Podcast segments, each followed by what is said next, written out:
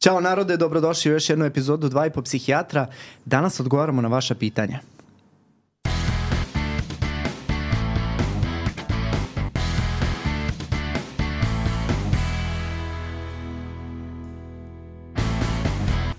Moram da vam kažem da sam jako srećan uh, što se ova epizoda pušta upravo za Srpsku novu godinu, tako da pre nego što počnemo, evo i Mihajlo i ja da vam čestitamo Srpsku novu godinu. Uh, nekako su se potrefile ove epizode da izlaze na naše najveće praznike, što nam je jako, jako drago i onda smo se razmišljali šta ćemo za Srpsku novu godinu i ovo će biti jedan uh, svojevrsni specijal gde ćemo upravo odgovarati na vaša pitanja. Uh, prošlo je već dosta vremena od kako smo snimili ovu epizodu uh, odgovora na uh, sve ono što ste nas pitali u prethodnom periodu. Imamo jednu epizodu ranije, tako da ukoliko vas zanimaju neka od pitanja možete ranije vratiti na, na tu epizodu. Uh, Međutim, danas evo imamo pregrš novih pitanja, što sa Instagrama, što je sa YouTube-a. Mi smo probrali neke, pa ćemo se potruditi evo da, uh, da odgovorimo na sve. Mihajlo, je li imaš nešto da kažeš pre nego što krenemo? Pa ne, ništa posebno osim toga što eto, ovaj, jeste neku duhu praznika da mi se okrenemo ka našim gledalcima i da ih pitamo šta njima treba od, od nas i da eto, ispunimo neku želju i mi. Tako je. E, dobro. Znači, možemo da krenemo. Uh, mi smo se ono razmišljali da li da probiramo mm. pitanja, da li šta ćemo, kako ćemo i na kraju smo odabrali sva pitanja, jer pa su da. stvarno pitanja bilo yes. fenomenalna. Yes. I mislim da uh, sva nekako zaslužuju odgovor. Evo ti ovako prvo pitanje. Ovo je bila jedna naša uh, uh, gledateljka, da kažem, sa Instagrama koja je napisala kako pogurati blisku osobu da ode na terapiju kada je više očigledno da joj je to potrebno. Uh, pa dobro, teško pitanje za početak. Ovaj, uh, mislim da se mnogi susreću sa takvom nekom situacijom, a odgovor, nažalost, nije onakav kakav se ljudima uglavnom sviđa, to je da, mislim, uglavnom ne možemo. I uglavnom, ovaj, uh, na, mi postoje neka granica naše, naše odgovornosti, a to je da mi kažemo naše mišljenje, da mi ponudimo neku vrstu uh, pomoći, da kažemo da možda smatramo da je toj osobi potrebna neka dodatna podrška, bilo u vidu terapije ili neko drugo, ali ukoliko se naravno radi o odrasloj osobi koja je ovaj odgovorna za svoje postupke, mi ne možemo nikog prisiliti i često nekim agresivnim nagovaranjem možemo čak i kontraefekat da napravimo zato što ovaj, ako neka osoba uđe u terapiju koja je sama po sebi proces gde koji zahteva veliku dozu ovaj, i, i, i iskrenosti i motivacije, ako neko uđe u to prisiljen, velike su šanse da, da uspeh će biti kompromitovan upravo zato što neka osoba ide možda ne baš svojom voljom. Eto.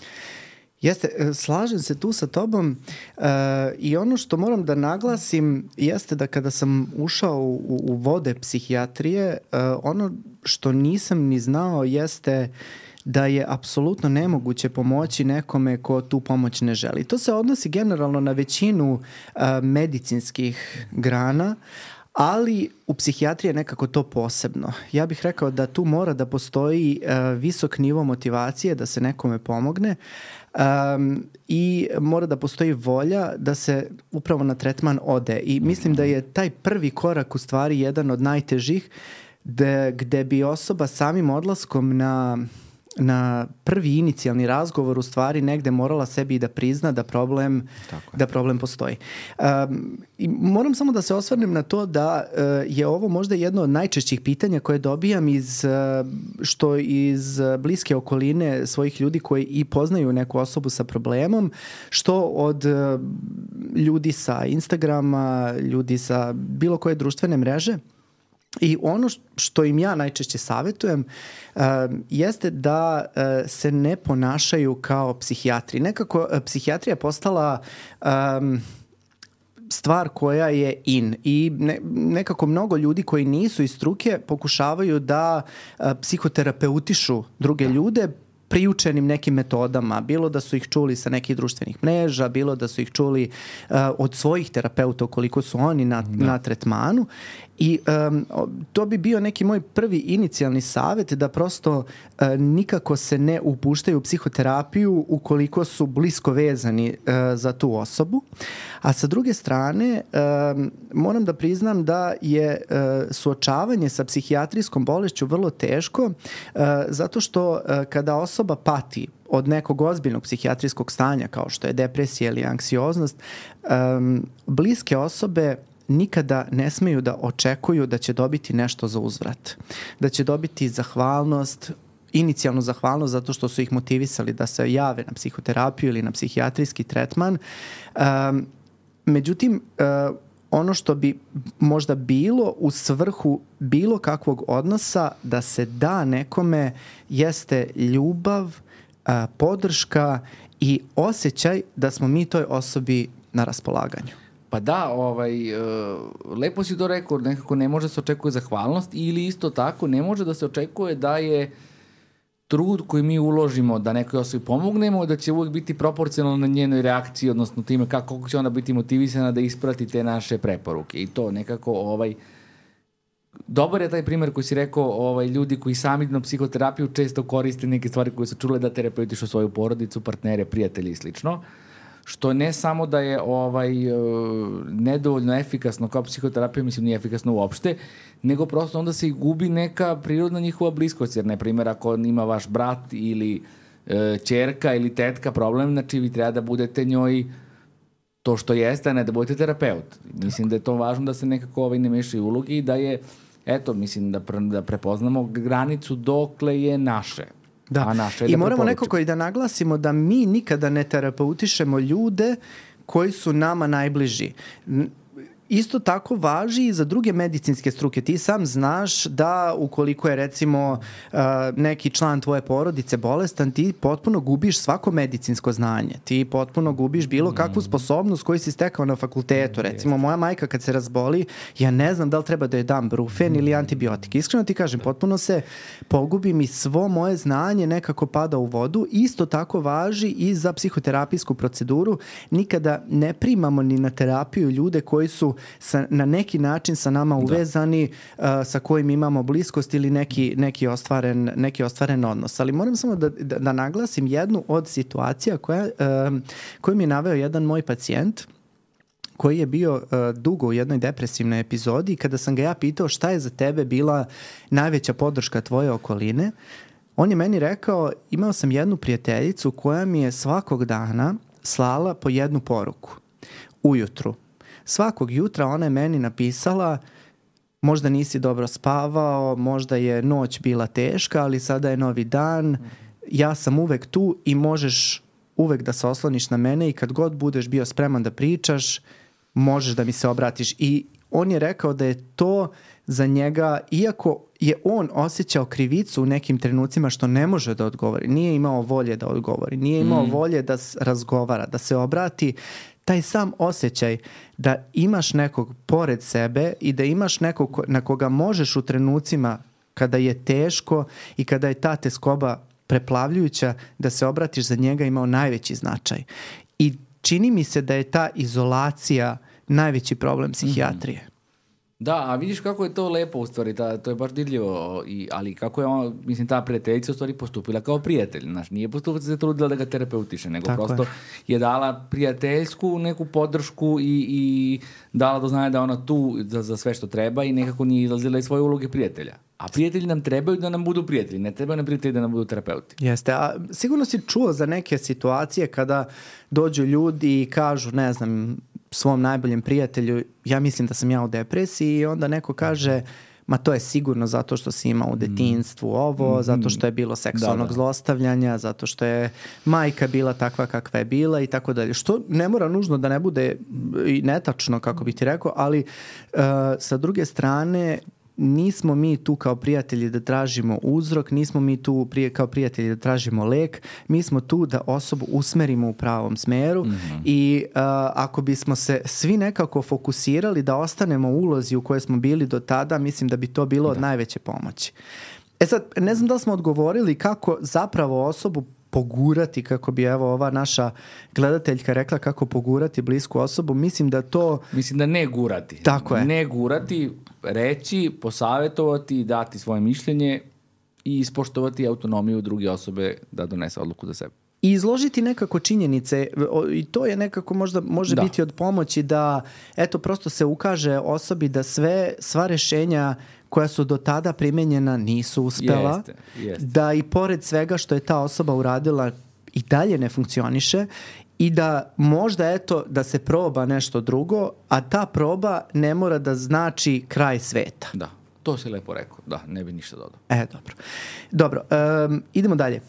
Uh, još jedno ovako interesantno pitanje, kako prići zavisniku od alkohola koji odbija da prihvati da ima problem? E vidiš, sad nalazimo nekako na ovaj, e, slično, ali potpuno različito pitanje. Ovaj, uh, mislim, ni ti ni ja se ne bavimo nešto uže bolestima zavisnosti, ali smo obojica bili ovaj, na tim odeljenjima u toku naših kruženja. Bolesti zavisnosti su stvarno, mislim, specifične odnosno na ostatak uh, psihijatrije. I nekako ovaj, sama priroda bolesti je drugačija i prosto sama, ovaj, da kažem, uh, načini lečenja su drugačiji. Uh, Tako da uh, ono što ja mislim da je oni često rade, oni mnogo više suočavaju ovaj, i konfrontiraju pacijente. I zato što postoji, ima na primjer na internetu dosta nekih ovaj, zanimljivih uh, klipova i predavanja na tu temu. Uh, slobodna volja kod zavisnika, znaš, to je nekako ovaj, čini mi se posebno važno, a to je da ljudi misle ja sad ako sam alkoholičar i sad ako ja ne mogu da prestanem da pijem, znači to je nekako moja, ja, to je od, nekako odraz mog slabog karaktera ili nekako nedovoljno jake ličnosti i sve to. Dok je e, zapravo pokazano da se na, ko, u mozgu ovaj, zavisnika dešavaju određene, mislim, e, promene u mozgu koje zapravo u baš u strukturama koje su E, zadužene za kontrolu impulsa i za nekako ovaj, planiranje i za nekako predviđanje posledica naših akcija. I onda ljudi su, sviđa mi se jedno slikovito objašnjenje toga da kažu da to je kao da voziš kola, a da nema, ne radi kočnica. To je, to je u stvari situacija s kojom se oni suočavaju svakog dana. I da kod njih zapravo, kod, kod zavisnika, ne postoji slobodna volja u tom smislu kom postoji kod ljudi koji nisu zavisnici. Zbog toga se njima u predlaganju lečenja zapravo koriste malo radikalnije mere nego za recimo čovjek koji će ide na psihoterapiju zbog nekih emocionalnih problema ili problema u vezi i slično. Da se zapravo zavisnici se konfrontiraju sa realnošću situacije, da se nekako im njihovi najbliži kažu mislimo da imaš problem sa alkoholom, na primjer, eto, radio si to, to, to, izgubio si posao, to je da jedan si pao, napravio si to i taj problem, to je nama bilo teško i tako dalje i da se kaže ti sada moraš na lečenje. Mislim, A, jeste ta nekako prinuda na lečenje i mm, užasno rečeno, ali nekako ucena. Jeste jedna Jeste. od karakteristika uh, lečenja zavisnika uh, i ono što smo pričali sa ljudima koji su do sada gostovali u našem podcastu, kao što je Svetlana Vučetić iz Drajzerove ili dr. Ivica Mladenović iz uh, našeg instituta, nekako su uvek poentirali na tome da nijedan zavisnik neće svojevoljno priznati da je zavisnik i prosto neće svojevoljno doći, uh, doći na terapiju i tu onda stupaju radikalnije mere. Nažalost, te radikalnije mere uh, često sprovode bilo zakonodavni organi, bilo poslodavci koji prosto u, nekim, u nekom uh, segmentu priprete bilo nekim restriktivnim merama, bilo uh, otkazima recimo ili bilo ovaj na, to, na taj način neke ucene, ali ono što dolazi do nas najčešće, ne znam da li ste imao iskustvo, pretpostavljam da jesi, uh, kada te prijatelji pitaju, da. ne znam, da. otac pije ili brat moj se kocka ili nešto se dešava, kako ja njega da ubedim da uh, on ode na lečenje. I uh, mi vođeni nekako tim iskustvom moram priznati da um, i njih na neki način osnažujemo da budu malo radikalniji u tom smislu da ukoliko se ne ode na lečenje, nešto mora da se desi. I sam Jeste. znaš da recimo kocka i predstavlja jedno od najvećih uh, problema za, za lečenje i uh, tu se prosto ukida svaki pristup bankovnim računima. Znači to je jedna vrlo drastična mera, Jeste. prosto od, o, odseca se, odseca se kompletna finansijski priliv jedne osobe I ovaj, moram da kažem da ta, eh, ta radikalna strana lečenja kod zavisnika je mnogo izraženija, što si rekao, nego kod nekih uobičajnih svakodnevnih problema. Jeste, pa mislim, sama priroda zavisnosti je takva da zahteva takva, takva ovaj, rešenja koje nisu prijatna, siguran sam, ni za ljude koji moraju da tako nešto nekom svom dragom ovaj, urade, ali mislim da je važno da naglasimo da je to stvarno nekada neophodno, jer upravo nekako uh, održanju zavisnosti često doprinosi popustljivost članova porodice koji ne sami možda ne žele da priznaju da problem postoji ili ne priznaju možda da su potrebne tako neke uh, radikalne mere da kada ljudi mislim kao primer može da neko kaže mislim ljudi često dolaze na lečenje kao što kao što smo ovaj rekli ovaj uh, niko ne dolazi svojevoljno kao eto, meni, ja imam problem i tako dalje. Dolaze pod pretnjom od strane svojih bližnjih. Naprimer, ostavit će me žena ako se ne lečim i onda tad ja odem na lečenje. Znaš, i to je taj, dobiju tu neku vrstu neke spoljne motivacije, e onda je u tokom lečenja trik da se razvije i neka unutrašnja motivacija koja će da postoji čak i kad ja shvatim, ej evo na lečenju sam, neće me žena ostaviti, e pa onda bi trebalo samo lečenje da dovede do toga da ja umeđu vremenu shvatim da možda ipak imam problem i da, i da treba da se lečim. E, I mnogo je reakcija izazvalo na svakoj epizodi o zavisnosti, izazivaju ti koncepti uh, dobiti porodice od zavisnosti neke osobe i uh, greške koje su se pravile ranije od strane porodice u lečenju zavisnika. Mm. Uh, ljudima nekako nikako nije jasno kako je moguće da porodica snosi deo odgovornosti za nečiju zavisnost, a mi to vidimo u svakodnevnoj praksi kako se na neki način uh, ta zavisnost održava i podhranjuje upravo od najbližih članova porodice. Ja mogu samo da navedem jedan primer jednog dečka gde me je vrlo pogodio taj uh, taj moment uh, otvaranja. Znači, postoji uh, protokol lečenja, recimo kockara, protokol lečenja alkoholizma i tako dalje i oni prolaze uh, određenu edukaciju i određeni, um, određene etape u svom lečenju i u jednom trenutku dolazi do takozvanog uh, velikog predstavljanja, odnosno uh, do priznanja uh, svojoj užoj i široj okolini da je osoba pati od bolesti zavisnosti. I to je uvek jedna od najdirljivijih stvari koje sam video u svojoj psihijatrijskoj praksi, kada uh, zajedno sa zavisnikom kogod je u pitanju, evo u tom trenutku je bio kockar, gde njegova majka govori o svojim greškama koje je pravila u trenutku Uh, što govori u prilog tome koliko porodica u stvari mora da prođe uh, etapa prihvatanja, svesnosti, introspekcije uh, i svega kako bi došlo u stvari do izlečenja kompletne porodice.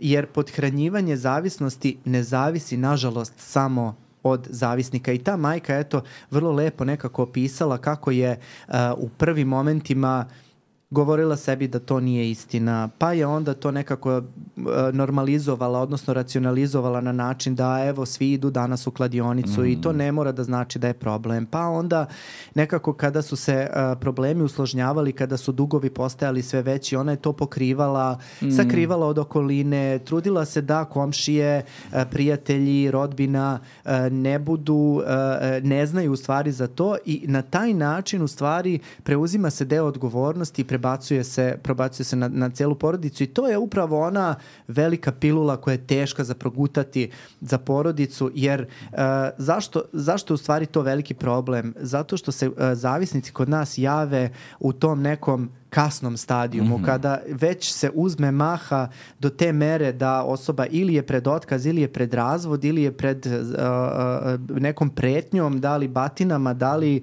uh, odlasku u zatvor i onda kada, uh, kada se sve analizira retrospektivno i kada se pogleda cela istorija, zapravo ovaj, može se u stvari doći do korena problema, a koren problema je nažalost uvek u porodici. Da, pa da, siguran sam da bi se kolege sa bolesti zavisnosti složile uh, da kad bismo rekli da je jako, jako, da kažem, redko, a da ne i nemoguće da postoji zavisnik u porodici da vladaju potpuno skladni i harmonični odnosi.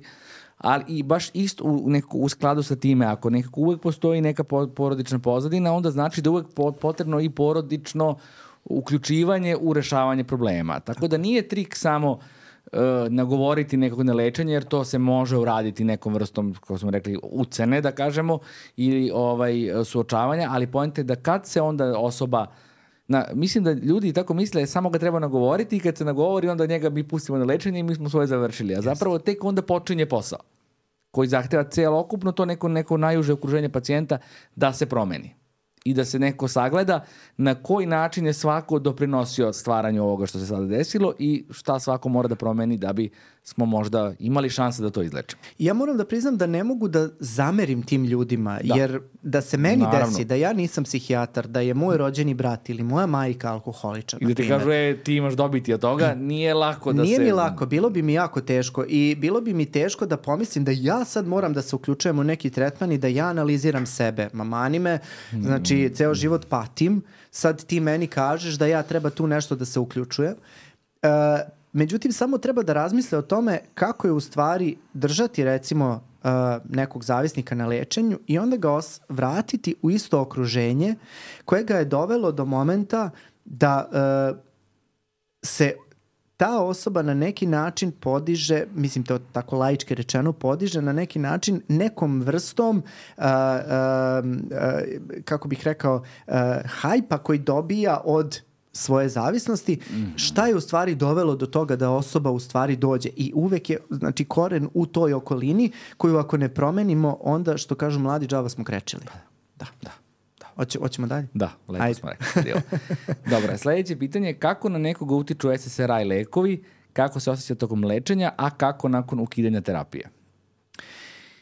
Dosta smo pričali u, o, o, o lekovima, e, imali smo i posebne epizode koje smo posvetili i ovaj, benzodiazepinima i antidepresivima, tako da e, mislim da je nekako suvišno nakon e, eksperata ovaj, kao što je profesor sa farmaceutskog fakulteta da. ovaj, koji je pričao o antidepresivima, prosto suvišno je sada da nešto do, dodatno govorimo o tome svaki lek kao lek bilo za bolove, bilo za uh, im, bilo kakvu infekciju ima svoja dobra i loša dejstva. Uh, polemika oko antidepresiva se godinama vodi, uh, mi nekako u praksi pratimo i vodimo računa o tome da uh, se vodimo onom uh, primarnom uh, lekarskom rečenicom primum non nocere, odnosno primarno ne naškoditi, tako da uh, ja verujem da ovaj sve naše kolege vrlo savesno uh, propisuju terapiju i da mogu ovaj da procene da uvek lek daje više benefita nego uh, nego štete. Da, pa samo bih vrlo kratko dodao, mislim da si ovde pokrio neke najvažnije tačke, to je ako je pitanje uh, kako se tačno osjeća čovek do pije SSR lekove, ja mogu samo kažem ne znam jer ih nisam uzimao. Da. A čak i da ih jesam uzimao, to je bio samo moj doživljaj kako se čovek osjeća sa njima. Znači, reakcije na lekove jesu ovaj individualne, čak i za brufen koji ljudi piju pa drugačije reaguju, a kamoli za lekove koji ipak utiču na neke naše, da kažem, više moždane funkcije. Uh, gde se subjektivnost i, i neka interpersonalna variabilnost su posebno naglašene, tako da naravno da ne možemo nikom dati garanciju, ti će se osjeti tačno tako i tako kad uzimaš lek, ali što kažeš, nekako smo naoruženi podacima da će da done, doveti više benefita nego što će doneti štete. Mm, slažem se, apsolutno. E, dobro, idemo dalje. Koja je razlika između psihopatije i sociopatije? Dobro, ok, super pitanje. Evo ti tvoje ovaj, tema. Jeste, to je nešto čime sam se ja ovaj, i bavio uh, ranije, pa da ajde prvo malo neko raščlanivanje termina. Znači, psihopatija i sociopatija su termini koji ne postoje u aktualnim klasifikacijama mentalnih bolesti. Ono što postoji je antisocijalni poremeće ličnosti, koji uh, uključava neke karakteristike poput uh, uh, impulsivnosti, hostilnosti, nepoštovanja društvenih normi koje se često povezuje sa problemima, sa zakonom, sa ulazkom u tuče, u tako nekako ovaj, razna problematična ponašanja. To je mnogo uže nego što je koncept psihopatije. Psihopatija je ovaj nešto što se proučava ovaj dosta dugo i što se uglavnom ovaj, znaš, od nekih starih termina poput ono moral insanity, moralno ludilo, kao eto, ako postoji neko ko ne, e, nema oštećenja nikakvih funkcija koje mu trebaju za, za život, ali opet neko vidno poremećen. To je bilo ovaj, u početku tako opisivano i to se nekako povezuje najviše sa ovaj, nedostatkom empatije, sa nedostatkom kajanja, sa nedostatkom uh, sposobnosti da se ulazi u intimne interpersonalne odnose. I sada to su naravno kroz razne međufaze ovaj, su postali različiti termini. U nekom trenutku se pojavila ta sociopatija koja se zvala i sekundarna psihopatija. I to je neka podela gde je primarna psihopatija, odnosno sama psihopatija, da kažem, je nešto što je, uh, se smatra da ima većinski deo neke genetske, ovaj, genetskog faktora da se ljudi takvi ovaj, rađaju, nasleđuju da su to ljudi koji su po prirodi slabije reaguju na neke nadraže strašne, znači neko ko je hladno krvani u strašnim situacijama, neko ko se ne uzbuđuje lako, ko nekako nema tu sposobnost da kažem empatije u smislu da ne, to jest nije čak da nema sposobnost empatije, nego neko nema tu emocionalnu reakciju na emocije drugih ljudi. Na, na primjer, ja sada mogu da pretpostavim kako se ti osjećaš, ali mene nije briga. Znači da ja vidim ako vidim da ti plačeš, ja mogu da pretpostavim da ti tužan, ali mene baš briga za to. I to je naravno ovaj, uh, se povezivano sa nekako da kažem osobinama koje se smatraju tradicionalno nemoralnim, zlim i slično. Uh, Dok je sociopatija, kao njen neki rođak, to je nekako pretežno stečena nakon i smadar se da to razvijaju ljudi koji su, na primjer, e, teško traumatizovani u detinstvu ili slično, gde postoji onaj slični ovom sadašnjem konceptu antisocijalnog poremeća ličnosti, jer je, jer je akcenat na toj diskontroli impulsa, potencijalom za nasiljem i problema sa zakonom tom nekom, e, da kažem, ono, površnijem i blažnom nivou. Ja to volim da objasnim ovako. Zamislite neku ovaj, uh, mafijašku organizaciju, hladnokrvni šef koji donosi sve neke odluke i koji ono, može da izgleda s polja jako šarmantno i, i, i, i zavodljivo, to je psihopatija. Njegovo izbeđenje koji se tuče tu po ulazu i radi prljave poslove, to je sociopatija. Da. To odlično, odlično. Meni se samo i sviđa ona rečenica koja se nekako stalno provlači kada se priča o razlici između psihopatije i sociopatije, da se psihopata rađa, a sociopata postaje. Jeste. Jel se ti slažeš jeste, sa tim? Jeste, pa to je ovo znači neko pri, pri, primarno genetski, primarno stečeno, s tim što naravno, ovaj, kažem, ta psihopatija koja je potencijalno, kažem, opasnija je mnogo manje upadljiva, znači to su ljudi koji izgledaju kao drugi ljudi koji mogu, što kažem, mogu biti strašno šarmantni, strašno zavodljivi, strašno interesantni i oni se uglavnom nalaze mislim, zbog tih sposobnosti da mogu da predviđaju reakcije drugih kada ih nije briga, to je neko velika adaptivna prednost. To su ljudi koji budu uh, direktori nekih korporacija, koji budu neki veliki političari, koji budu neki, da kažem, onako važni ljudi, dok je sociopata onaj koji je na tom nekom priznanom nivou, jer zbog svoje, te svoje diskontrole impulsa, oni ne može mnogo da napredu u životu. Da. I evo, mislim, za mlade kolege koji sad uče psihijatriju, prosto a, kako je nama bilo lakše da razlikujemo kada kažeš sociopatija, to je neko ko a, u velikoj meri vrlo otvoreno krši sve socijalne norme. Ali u, u otvorenoj meri, to Otvoreno, se vidi tako uvek je. i bez ikakve greške. Vrlo je jasno, znači ta osoba je agresivna, ta osoba je zlostavljač, ta osoba krši sva pravila i sve tuđe integritete vrlo vidno i otvoreno. Znači to su nasilnici, ljudi Jest. koji ne prezaju ni od čega.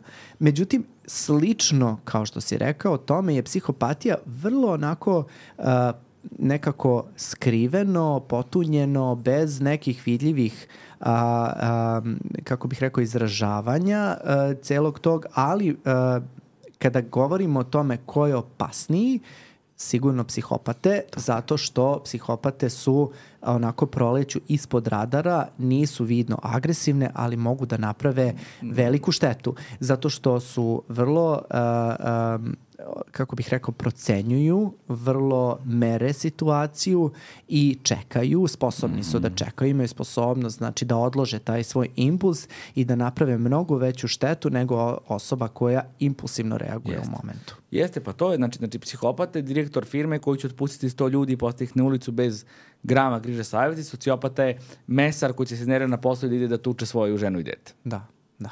da odlično, odličan, plastičan prikaz. Sledeće pitanje, ovaj, kako prevazići i može li se uopšte prevazići imposter sindrom? Za početak, šta je imposter sindrom? Ajde da, pošto... Da, ovo je naša nadogradnja na pitanje. Dobro. Ovo je za mene možda jedno od najinteresantnijih pitanja zato što nisam siguran da smo ga pominjali uopšte u, u podcastu. A, a ima dosta veze sa mnogo ljudi, e, a i, i lično sam nekako vrlo senzibilisan mm. na ovu temu zato što mislim da ga ja osjećam.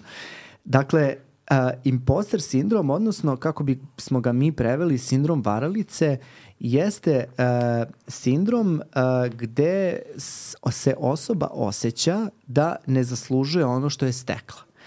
I uh, stari psiholozi koji su nekih 70-ih, 80-ih godina uh, radili prva istraživanja vezana za uh, ovaj sindrom varalice um, gde su um, studente medicine i psihologije pitali da li oni, odnosno one naj, kako bih rekao, uspešnije studente uh, ispitivali da li oni zaslužuju te ocene koje su dobili, da li zaslužuju status koji imaju i tako dalje. I nekako pojavio se taj svojevrsni obrazac da je mnogo tih uh, ljudi koji su učestvovali u istraživanju reklo da u stvari smatraju da ne zaslužuju, odnosno imaju osjećaj da stalno su u nekoj masci nekog, uh, neke varalice i da samo čekaju moment kad će neko da ih razotkrije i da uh, otkrije u stvari da oni nisu to što zaslužuju, odnosno ne, ne zaslužuju taj status koji su dobili. A kako si ti lično senzibilisan? Ajde, ja, moram ti kažem, ima veze s ovim podcastom. A ne znam da li smem to da kažem. ja, imam, ne, ali, ja imam jedan primer. Mislim, ne, imam Ajde. primer. Imao sam tako, znaš, kao, dođeš ovaj, kreneš da radiš, to je ono kao prvi korak posle fakulteta i tu se neko vreme ovaj, uh, snalaziš i u nekom trenutku kad ti već neko upoznaš ljude i neko stabilizuješ se na mestu gde si i po, poč, počneš da budeš i malo neko uvažavan. Ja sam često razmišljao kao, znaš, da li sam ja stvarno kao kvalitetan u smislu da li ja to nekako do mog znanja ili to je samo zato što ja imam tako dopadljivu ličnost, znaš kao, mhm. možda sam ja sve njih prevario samo zato što im simpatičan, mm -hmm. znaš kao, to, to je bio moj utisak, znaš, možda nisam ja dovoljno kompetentan, nego sam samo simpatičan svima, pa sam uspeo tako da dođem tu gde sam. Da. Ja sam čitao negde zašto se uopšte to dešava I uh, naišao sam na jedan termin koji mi se mnogo svidao, to se zove pl pluralističko neznanje. A to znači da su ljudi obično iz nekih uh, da kažem, viših pozicija na svojim radnim mestima, duboko nesigurni, ali su u tome usamljeni zato što o svojim nesigurnostima niko ne voli da priča, mm -hmm. a mhm. pogotovo na radnom da. mestu.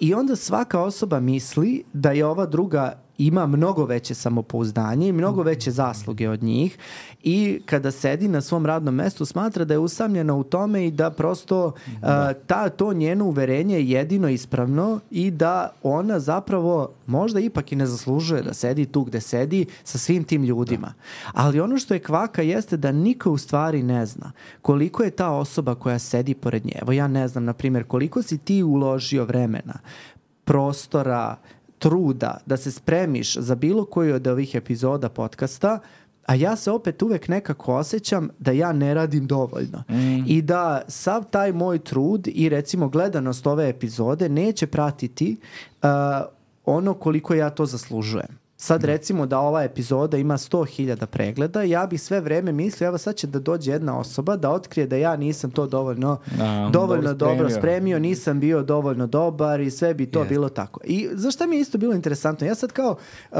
pomenem imposter sindrom među uh, prijateljima, čak i među ljudima iz naše struke, koji su mi i prijatelji, jel te? I oni kažu, čoveče, pa ja se tako osjećam, da. ja nisam uopšte znao da to postoji. I onda Jest. kada sam uh, istraživao o tome kako se imposter sindrom prevazilazi, pazi, prvi korak je u stvari prepoznati da imposter sindrom postoji. I čak ideja da postoji ime za tako, takav neki osjećaj koji je jako čest, vodi u nekako... Mm osjećaj da nismo sami. Jeste, pa naravno, pa zato što eto to, evo, sad da, da ti kažeš, ti ne znaš koliko sam se ja spremao, to, ali ja ne znam isto, ako ja osjećam, se ja osjećam nesigurno kao varalica, ja nemam ideju da si ti možda osjećaš tako isto, znaš, a kada bismo znali, bilo bi možda malo onda lakše i tebi i meni. Uh, ima ovaj, ja mnogo volim ovaj film Green Knight koji je izašao pre par godina, koji je onako ovaj, jedan neka vrsta nekog ovaj, prepričavanja tog mita o tom zelenom vitezu koji je baš u stvari imposter sindrom, da imaš to glavno lika koji polazi na neki svoj veliku vitešku misiju gde on sve vreme preispituje i sve vreme misli da je on tu ne zaslužuje da to bude. Znaš, i to je nekako, vidim da su ga opisivali kao, eto, uh, imposter sindrom milenijalaca kao u, u srednje veku, kao, znaš, jer to je baš, jeste nekako, ovaj, mislim, vezano za naše generacije, jer strašno mnogo ljudi i, i ima to, eto. Tako da, da eto. I Evo, odgovor na pitanje ovog našeg uh, slušalca koji je rekao kako prevazići imposter sindrom, ja bih rekao da je najbolji korak u svemu tome u stvari pričati o tome. Mm. Pričati da se tako osjećaš i u 90% slučajeva će osobe da naiđu na istu reakciju. E, pa da, pa ja se tako osjećam. Prosto deljenje takvog Yes. znanja vodi u neki osjećaj smirenosti i neki osjećaj da nismo sami u svemu Tako tome. je. I to bi nekako, da, u, u teoriji bi to trebalo da, e, da kažem, poruši to jedno nerealno očekivanje i e, da drugi ljudi su svi ekstremno sigurni u sebe, kompetentni i mnogo spremni za život nego što smo mi. Jel misliš da smo generalno kao društvo mnogo lošeg samopouzdanja? Jer čini mi se da taj imposter sindrom ima mnogo veze sa bazičnim samopouzdanjem koje ljudi imaju. Da, ali kažem, zad nije čudo što se to povezuje sa milenijalcima kao generacijom, ono, posebno jer smo mi, ajde sad, sad ću da nas branim malo, ovaj, a to je zato što su, mislim, nekako su milenijalci nasledili svet u dosta lošem stanju. Znaš, posle nekih ovih velikih ekonomskih kriza i raznih problema i koliko je teže sada, koliko je teže sada da mlad čovek koji završi fakultet zaposli se, na primjer, kupi stan, zasne porodicu, neku vrstu stabilnosti, da ima u odnosu na neke prethodne ovaj, generacije. Mislim da to sve ima veze jedno s drugim, znaš. I prosto posle se oslikava i na svaki naš profesionalni Jeste. uspeh. Nekako uporedi, kad uporediš, evo, ovaj, um, nekako da, sa svim ljudima s kojima sam pričao naših godina, kada zamisle svoje roditelje u tim godinama, ti roditelji deluju mnogo ozbiljnije i, i spremnije za život ne- nego mi. Da. Da, ima smisla. Ja bih volao, evo, ako ima ljudi, ja znam da ima ljudi starije generacije od nas, da ih pitamo da li su se oni nekad tako osjećali. Da. Mene to mnogo E, da. zanima. Evo, da, Da li pitam moju među- mamu. Mama, jel imaš imposter Jeste. Da li među boomerima postoji impostor sindrom? Da.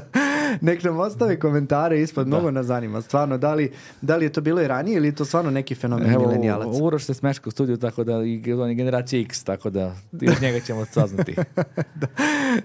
Jeste, da. Ovaj, ja pod njegovim reakcijama znam ovaj, da li smaramo ili ne smaramo. Dobro, e, a, imam sledeće pitanje. Ovako.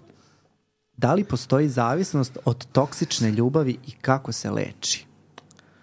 Uf, a to je mnogo teško pitanje za odgovaranje i malo nezahvalno, ali ajde probat ću da kažem nešto najopštije. Jer, e, Ko pravi psihijatar. Pa da, ali znaš, nekako ne bih voleo da se, mislim da se, da se epitet toksičnog mnogo lako pripisuje, znaš, nečemu. I nekako nije svaka, svaki ljubavni odnos koji ima neke probleme toksičan odnos. Ok, kao prvo to. Kao drugo, ovaj, uh, imaju dva aspekta priče. Prvi aspekt priče je zavisnost, sama reč tu u nekako nije slučajno ista reč kao što je zavisnost od droge i od sličnog. Znači, tako neki nepredvidivi odnosi gde ima mnogo uzbuđenja i mnogo nekih padova i uspona, nekako imaju te slične ono highs and lows kao što ima konzumiranje neke droge, na primjer, ili substance. To je prva stvar koja, eto, nekako i naravno da je onda to primamljivo i uzbudljivo. I teško da se toga odreknemo kao što je teško da se odreknemo substance iako znamo na koje sve načine ona štetna po nas. Drugi aspekt, naravno, ljudi koji su odrasli u turbulentnim porodicama i, ku, i, i, i, ovaj, i kućama i gde nije gde ta nepredvidivost bila neki osnovni sastojak odrastanja, normalno da to doživljavaju kao poznato okruženje i da im nešto drugo deluje zastrašujuće. Da im neka stabilnost mo, u, u ljubavnom odnosu može delovati zastrašujuće jer je nepoznato, jer je novo. Da.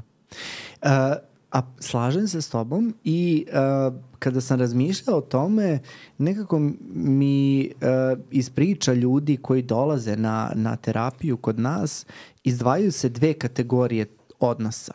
Postoji loš odnos i postoji toksičan odnos onako kako ja to vidim. Znači, loš odnos je ovo što si ti opisao. Znači, prosto uh, sta, konstantne neke svađene slaganja, vrlo turbulentan odnos i tako dalje. Ali ono kako bih ja u stvari definisao toksičan odnos, to je odnos u kome osoba strepi da ode kući. Prosto, ono, znaš kao, hoda po jajima kada druga osoba spava. Ili zamišlja ili fantazira da te osobe nema. Prosto ustrahuje. Taj strah, ta strepnja, ta patnja koja se javlja u toksičnom odnosu uh, je možda ključni osjećaj koji bi toksičan odnos definisao kao takav. I uh, kako u stvari možemo evo da savetujemo ljude da prepoznaju toksičan odnos? Šta bi to bile neke osnovne, osnovne karakteristike? Dakle, svađe. Ali svađe su sastavni deo svakog odnosa i ne želim da me neko pogrešno shvati, ali preterano agresivne. svađe koje su ispunjene uh, nekim pretnjama, fizičkim kontaktom, koje dugo traju, neprestane su. Prosto nikada se ne dođe do nekog Nema zaključka. razrešenja. Ne, nema nema. razrešenja, nema izgradnje odnosa i svađe. To može da se stavlja u kategoriju teškog teško lošeg Mhm. do toksičnog odnosa.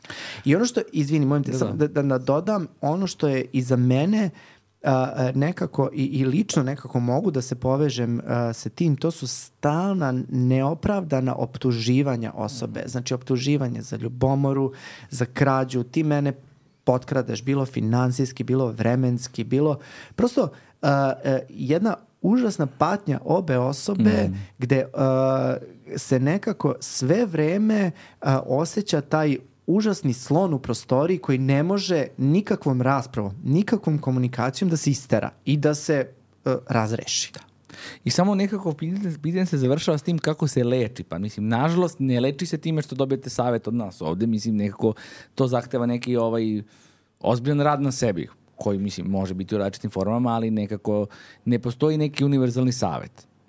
I ja imam i, i, e, samo jedan, uh, jedan, da kažem, dodatak na sve to. Uh, mislim da je jedini način da se toksičan odnos izleči jeste da se prekine ili da se obe osobe angažuju Tako. oko izlečenja Odlično. takvog odnosa. Da, Ne mislim da uh, toksičan odnos može da se leči tako što će jedna osoba otići na psihoterapiju. Tako znači, je. recimo, ako imaš odnos sa narcističkom osobom ili sa psihopatom, ako ti pošalješ tu osobu da se leči, taj odnos nije rešen. Ne mora uh, da znači da će jedna osoba odlaskom na terapiju da reši ceo odnos.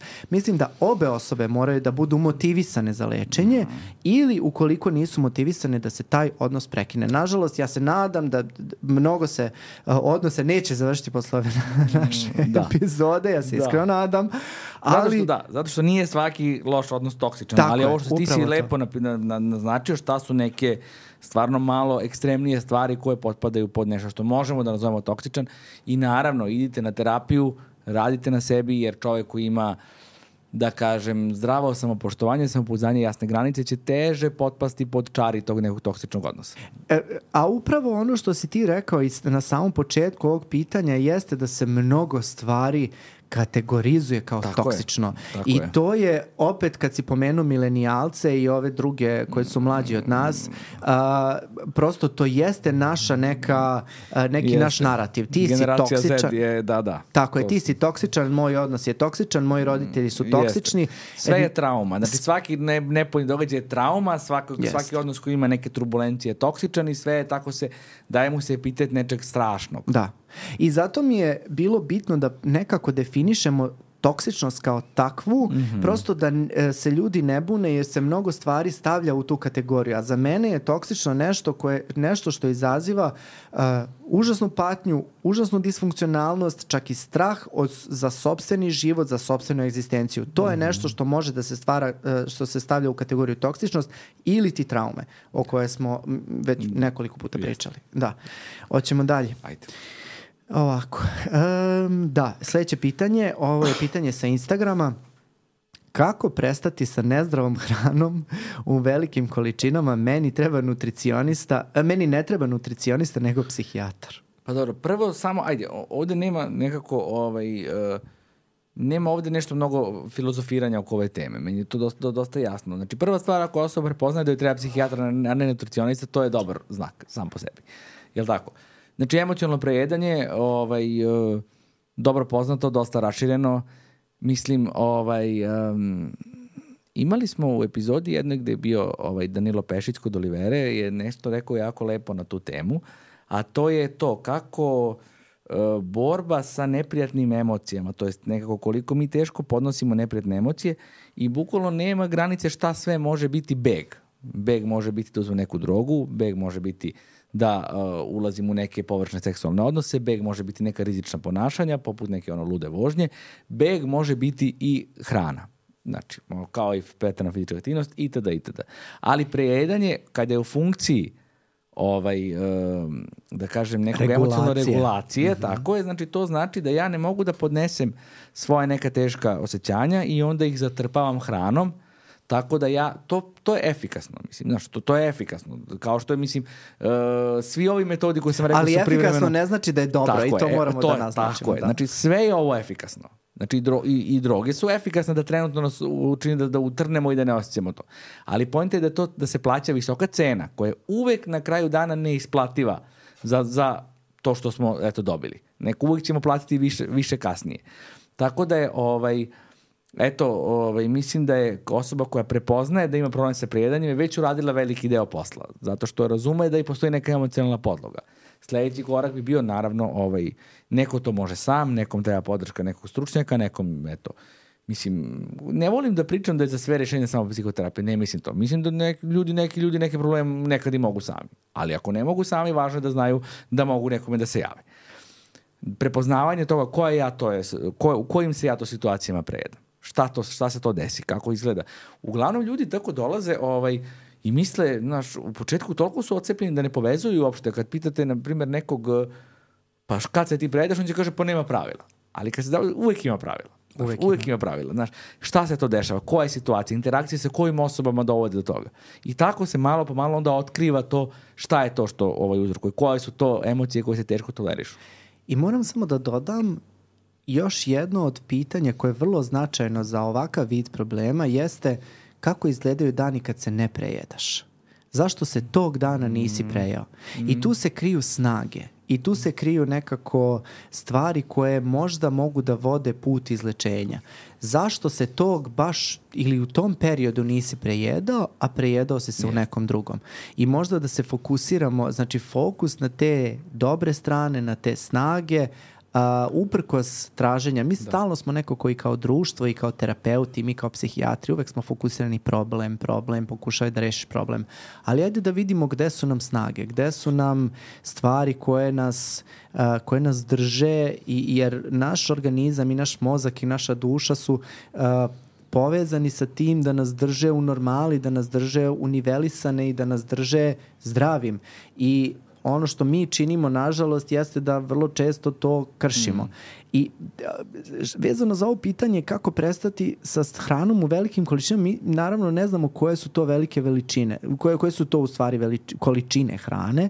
A, to može zapravo da bude a, bulimično ponašanje, a može da bude i odnosno ako neko nije gledao epizodu sa poremećajem ishrane, dakle može da bude zapravo jedan ozbiljan poremećaj ishrane koji se naziva bulimija neuroza, ali sa druge strane može i da bude jedna nova diagnostička kategorija koja se naziva binge eating disorder. A ja mi nemamo taj adekvatan prevod, bar ja nisam... Binge, da, nemamo ni jedan. Da, da, da, mi to i, evo, i kolokvijalno nekog u našoj praksi nazivamo binging. To je u stvari uh, uh, nekako uzimanje o velikih, ogromnih zapravo količina hrane i vezuje se za muškarce u srednjim godinama. Mm. Tako da bih ja tebe pitao da li si nekada izbinđavao neku hranu Ovaj, I da li, da li je bilo to, jer ta hrana dobro, je uvek nezdrava. Hvala Bogu nisam još u srednjim godinama, ajde, to je kao prvo. Ovaj, Teši se. Ima još vremena. E, pa nisam, ovaj, mada nisam, nisam ja baš neki... Čekaj, ću prvo te pitaš šta su srednje godine, to me znam. Pa da, pa ne znam, ne ove, ne ove, za početak, ajde. Ovaj, ne znam, nisam neki, ovaj, ja nikad bio gurman, tako da, ovaj, Ali su meni bili sokovi, na primjer, to, eto, znaš. Mm -hmm. I kao, to, to, to je kao neka... On, Binđuješ sokove. Da. Da, da, da. To su neke ne, on, ogromne količine. E, i sad, eto, opet ja sa nekim preporukama ima ovaj film The Whale, koji je, za koji je ovaj Brendan Fraser uz, uz Oscara za glavnu mušku ulogu, isto, eto, muškarac u srednjim godinama sa ozbiljnim, ovaj, problemima sa gojaznošću i tačno se vidi neka epizoda njegovog prejedanja baš kada doživi neku vrstu nekog emocionalnog stresa. Da, jeste, jeste, fenomenalan film, stvarno. Ćemo dalje. Ajde. Ajde. Panični plus anksiozni plus blaga depresija, pored eliceja i votrila, da li krenuti na terapiju? Da. da, ne, ne, nemam ovde nešto mnogo da kažem. Ajmo dalje. Što da ne? Da. Naravno.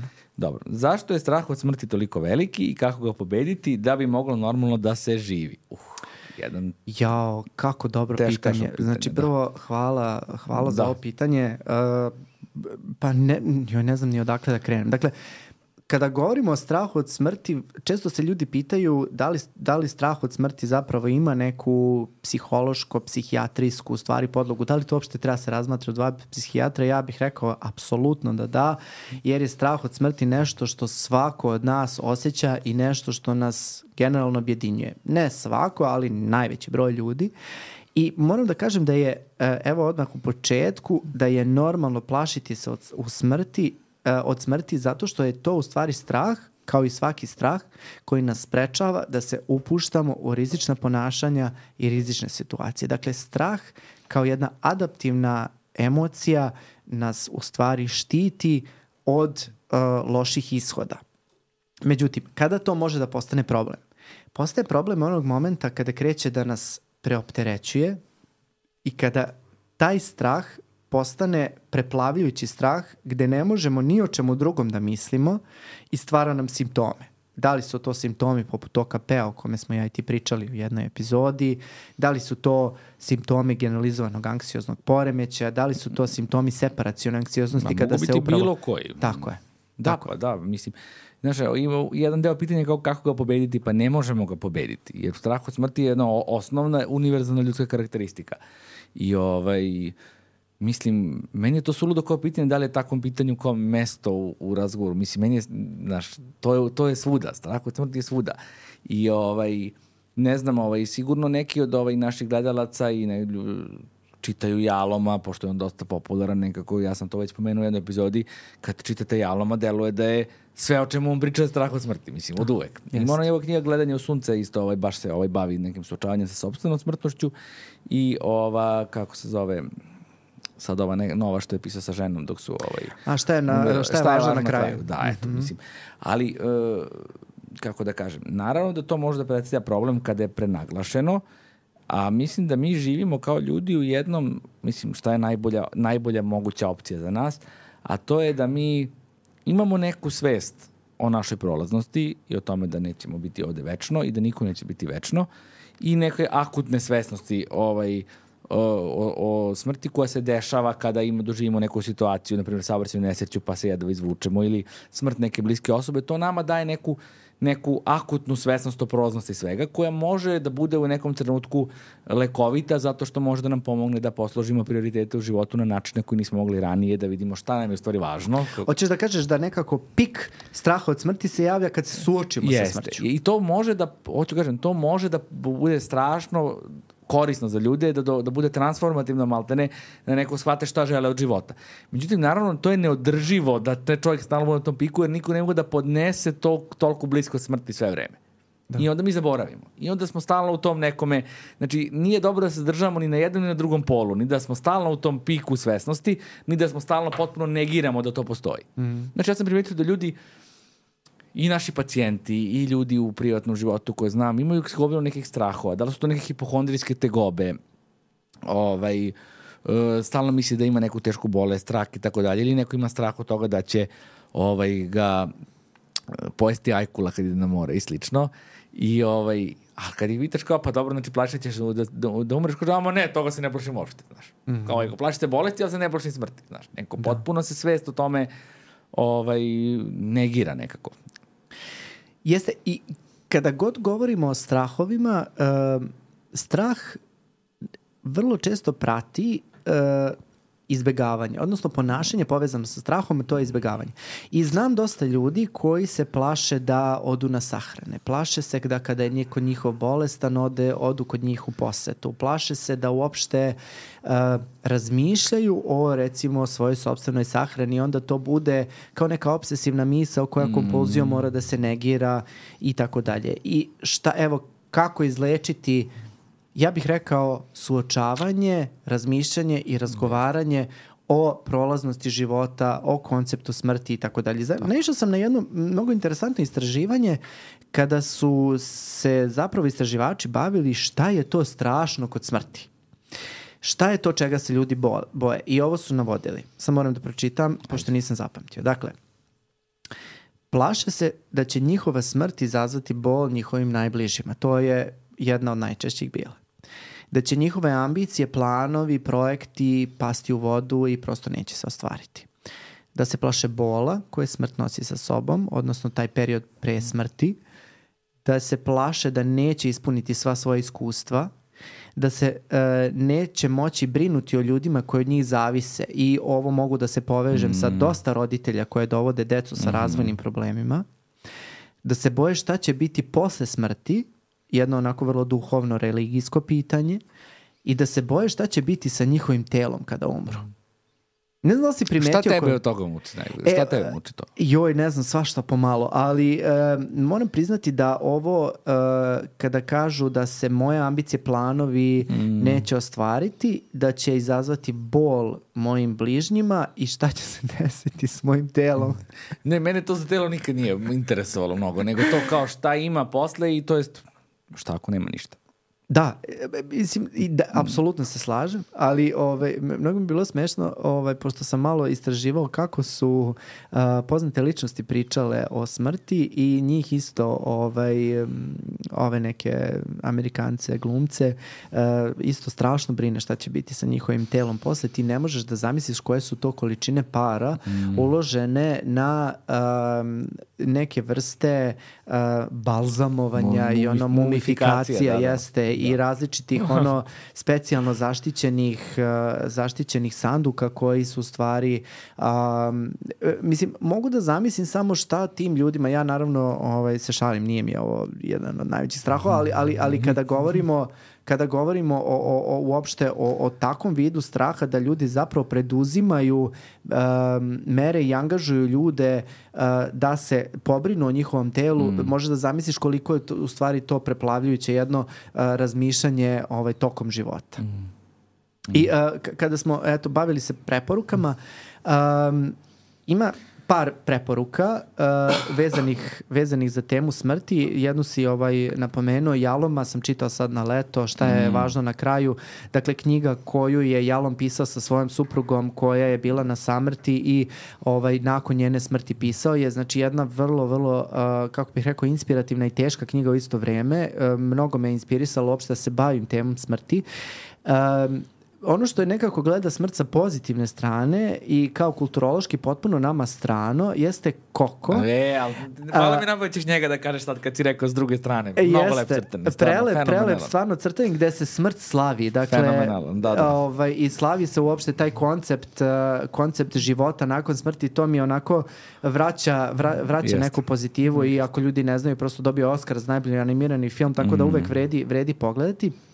Ja sam ranije u epizodi sa doktorkom Jelenom Lazić koja je pedijatar gde smo pričali o e, dečim tumorima preporučio jednu knjigu Oskar i gospođa u ružičastom mantilu i tu se u stvari radi o suočavanju deteta sa teškom bolešću gde su te gospođe u ružičastim mantilima u stvari bile volonterke koje su radile sa decom u terminalnim stadijumima karcinoma i nalazile načine kako da im pomognu da se sa tim poslednjim poslednjim danima mhm. nose mm -hmm. i uh, ta jedna uh, gospođa Rose je u stvari osmislila da taj dečak piše pisma Bogu i uh, piše uh, sva, sve svoje misli u tom trenutku i to je u stvari publikacija koja je objedinila sva njegova pisma i stvarno jedna možda od mm. najtežih i najlepših knjiga koje mm. sam, koje sam u svom životu pročitao i samo ću još jednu stvar, nam se ne smara mnogo, ali uh, jedan dokumentarac koji sam gledao uh, pre nekoliko dana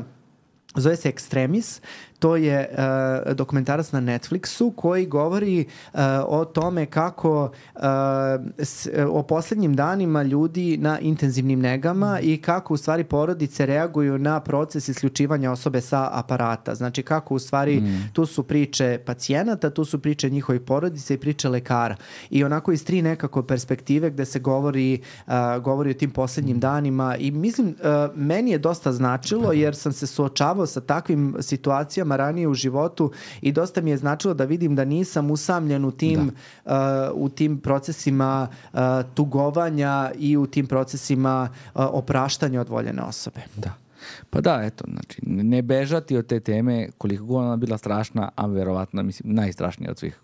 Jeste, stvarno jeste najstrašnija i nekako nas, moram priznati, kao i ove neke teme koje smo radili, empatija, ljubomora, ovo je stvarno jedna od tema koja nas sve, sve objedinjuje. Nema prosto osobe koja nije u nekom trenutku osetila strah od smrti i ovaj, to je nešto što mislim da svako od nas može mm. da razume. Uh, I evo sad, pošto mi asocijacije naravno nadila, mm. na, nailaze na sve strane, uh, setio sam se jedne uh, moje pacijentkinje koja mi je rekla da je e, smrt njene bake u stvari bilo nešto što je nju obeležilo za ceo život, gde se cela njena porodica nekako, e, njena baka je imala karcinom, e, metastatski karcinom i u tom momentu e, je cela porodica govorila o tome kako se to ne dešava.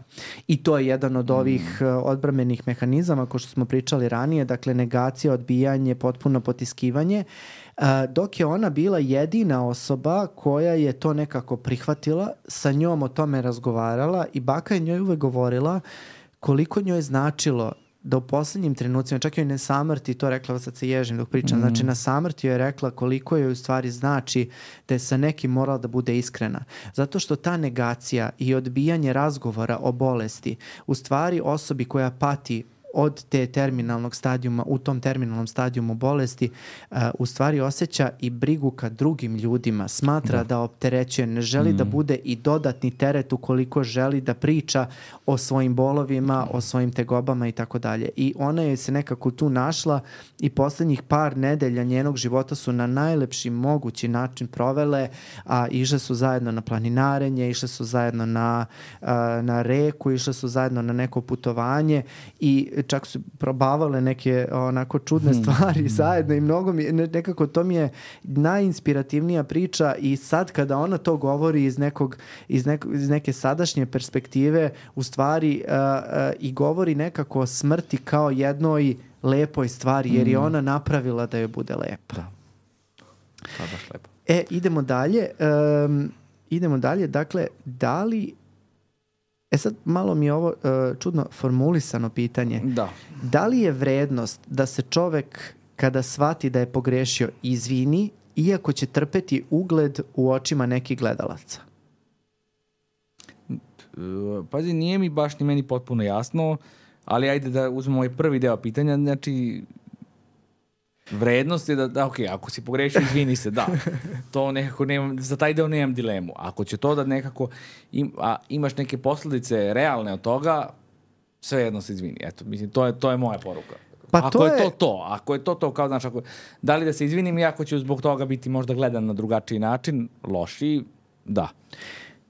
Ako bismo malo prevrteli ovo pitanje, slažem se i ima uh, nekako vidim i slojeva ovog pitanja uh, da li uh, čovek znači kada shvati da je pogrešio da se izvini to je za mene prvi znak emocionalne zrelosti znači kako bih ja opisao emocionalnu zrelu osobu to je osoba koja shvata da je pogrešila i da ima sposobnost da prizna svoju grešku, mm. da je ne negira i da se izvini da. i u tom smislu bez obzira na posledicu, bez obzira da li će to trpeti ugled u očima nekih, da li će to trpeti tvoja pozicija, da li će trpeti tvoj status u društvu, nema nikakve veze. Mislim da će te više ceniti ukoliko priznaš, nego ukoliko poričeš, da. izbegavaš, lažeš, pa te onda u tome uhvate. Da.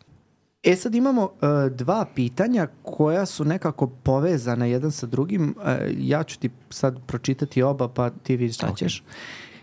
Kako se snaći u dating kulturi i istrajati u potrazi sa partnerom?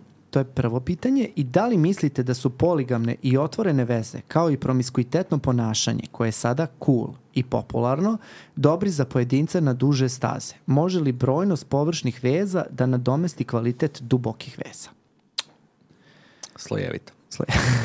Najmanje Dobro, rečeno. ovaj, uh, dating kultura sad Ne znam, ovaj, dosta ljudi ovaj, pišu na internetu svoje iskustva nekih, tako, no, no, ima gomila članaka na ovim nekim sajtima horor iskustava iz dating kulture i ovaj, tako dalje. Uh, ono što možda jeste sada u ovom dobu, ajde teško, znači je to što je, mislim, karakteristika ovog vremena, a to je ta neka ono, uh, ogroman broj izbora i nekako nedovoljno jasno definisanost uh, kriterijuma šta se zapravo nama sviđa i šta mi hoćemo i sada nekako čini mi se sa postojanjem dating aplikacija gde možemo da nekako podešavamo neka svoje ono, i ono što mi mislimo da su kao idealna merila i opet možemo toliko mnogo ljudi i neko su izbori toliko veliki da mi se čini da su ljudi izgubljeni u tom ono obilju izbora kao i za sve druge stvari u, u životu trenutno što smo nekako preplavljeni tom količinom mogućnosti koje imamo. Mm, s druge strane, mislim da je još jedan problem, a to je isto kako je u nekoj kulture, medije i slično, da su očekivanja od potencijalnih parte, partnera nerealna, u smislu da se očekuje da će partner biti nekome u isto vreme i najbolji prijatelj i najzabavnija osoba za neki provod i poverenik i najbolji ljubavnik. Nekako gomila nekih stvari koje nijedna osoba na svetu ne može da ispuni sve od toga. I mislim da je to ovaj, nekako ovaj, je važno da se, uh, to jest kak, šta raditi ono, sa tim i kako protiv toga je da se nekako osvesti šta je možda nama važno za partnera. Znači ne treba nam idealan partner nego onaj ko je možda za nas, za nas najvažniji. Što se tiče poligamnih veza, evo samo to pa onda ovaj, možeš da kažeš da ovo prvo, ovaj, ako imaš neke asocijacije, to je ja nekako ne volim da se priklanjam ni jednom taboru koji ima neki čurat stav po ovom pitanju, znaš. Niti volim da kažem da sad to je super, kao što postoje ovaj, što si rekao, što je ovaj uh, gledalac koji nas pita, pita kao to je sad cool, to je trendy, to je sad dobro. Ima taj neki narativ kao monogamija je prevaziđena, to je sada ovaj, uh, moraš biti širokih shvatanja, otvoren, inače si nekako zatucan. Ne, niti to, niti ovaj neki kao da kažem konzervativni stav koji kaže to je sve nekako ono, nemoralno, nečasno i slično, mislim, nekako kao neko ko ovaj, niti u svom životu, niti u životu meni bliskih ljudi nema mnogo iskustva sa poligamijom da sad kažem kako to zapravo izgleda. Ne mogu da kažem da je to načinno dobro ili loše, ali naravno da tu postoje ovaj, eh, dosta potencijala za razvoj neke neravnopravnosti u odnosima i za razvoj nekog ovaj, uh, da kažem, um, ponašanje s koje će neko izaći povređen, posebno kada postoje neka nejednaka pravila. Eto, na primjer, ja smem da budem poligaman, a moj, par, moj partner ne i tako dalje. Da, e, apsolutno se slažem, ne, nešto mnogo da dodam. Ja moram samo da e, bih se eto nadovezao na to da su nam sada uh, opcije mnogo više otvorene nego što su ikada bile i da to samim tim i vodi u promenu nekog narativa i u promenu samih ponašanja naš, nas u vezama. Uh, mislim da se ne odnosi to samo na romantične veze. To se odnosi i na uh, roditeljstvo, to se odnosi i na prijateljstvo, to se odnosi na bilo koju drugu vrstu, uh, drugu vrstu veza. Mi samim evo uh, izlaskom Facebooka i drugih uh, društvenih mreža smo mnogo više povezani i smatramo možda najviše sada nego bilo kada pre da imamo mnogo više prijatelja i mnogo više ljudi sa kojima smo u kontaktu zato što nam je mnogo lakše da kontakte održavamo. E isto tako se odnosi na malo uh, specifičniju i malo senzitivniju temu, a to je dating svet, odnosno to je svet uh, ljubavnih odnosa. I uh, slažem se sa tobom da ne mogu da kažem da li je ta poligamija ili poliamorija ili kako god hoćeš da je nazoveš uh, nužno loša stvar, ali ono što mislim da je loša stvar jeste um, kada izneveriš nečije poverenje. Znači, um, kršenje pravila u vezi, kršenje dogovora i um, prosto uh, nekako kršenje poverenja druge osobe, po, da, da povredimo drugu osobu nekim svojim aktom koji, za koji znamo da će da izazove užasnu reakciju kod uh, osobe sa kojom smo, uh, to je nešto što ne bi smelo da se to re, toleriše. Ukoliko su obe osobe saglasne da uh, su poligamne i da nema za njih nekako uh, prepreka u tom smislu, ja sam... Ko smo mi da kažemo da tako da tako ne može? To ja je, ne mogu ja gledam, tome da sudim, kako da. bih rekao. Znači, ako osobe vrlo svesno, otvoreno razgovaraju o tome, dogo, dogovore se, ja moram priznati da imam iskustva iz uh, svog okruženja mm -hmm. uh, poligamnih veza i to, kako bih ti rekao, nije nužno nešto za osudu. I, iako to nije meni blisko, ne mogu da kažem da je to nešto što je za, odstre, za odstrel, da. ono, za da. odstraniti potpuno iz našeg okruženja i sad ja sa tim osobama ne treba komunicirati. Znači, da. ako su dve odrasle osobe saglasne, ako su lepo se dogovorile, ja nemam nikakav problem da. s tim. Da, pa eto, ovaj, samo još jednu kratku stvar hoću da kažem, a to je povezano za tu, eto, te dating aplikacije i društvene mreže i to. Znači, nekada, i sad ću malo da banalizujem, nije naravno bukvalno ovako, ali, na primjer da sam ja živeo pre 60 godina u nekom mestu gde ima 10.000 stanovnika. I sad ja bi možda mojih godina u tom okruženju možda imao tri devojke s kojima bi mogo da, da izlazim, na primjer. I onda bi ja mogo da vidim kroz to šta se meni sviđa, šta ne, šta mi odgovara, šta ne. A ja sada, ako, na primjer, otvorim Tinder, imam 300 mogućnosti, kako ja uopšte da znam šta se meni sviđa. Znaš, Jeste. kao kad ja nisam, pa ja nisam probao sve to, ja ne, kao, ko zna, kao možda je ovo, ovo što nisam probao još bolje. I ta neko misao potpuno neko parališe. mislim. Jeste.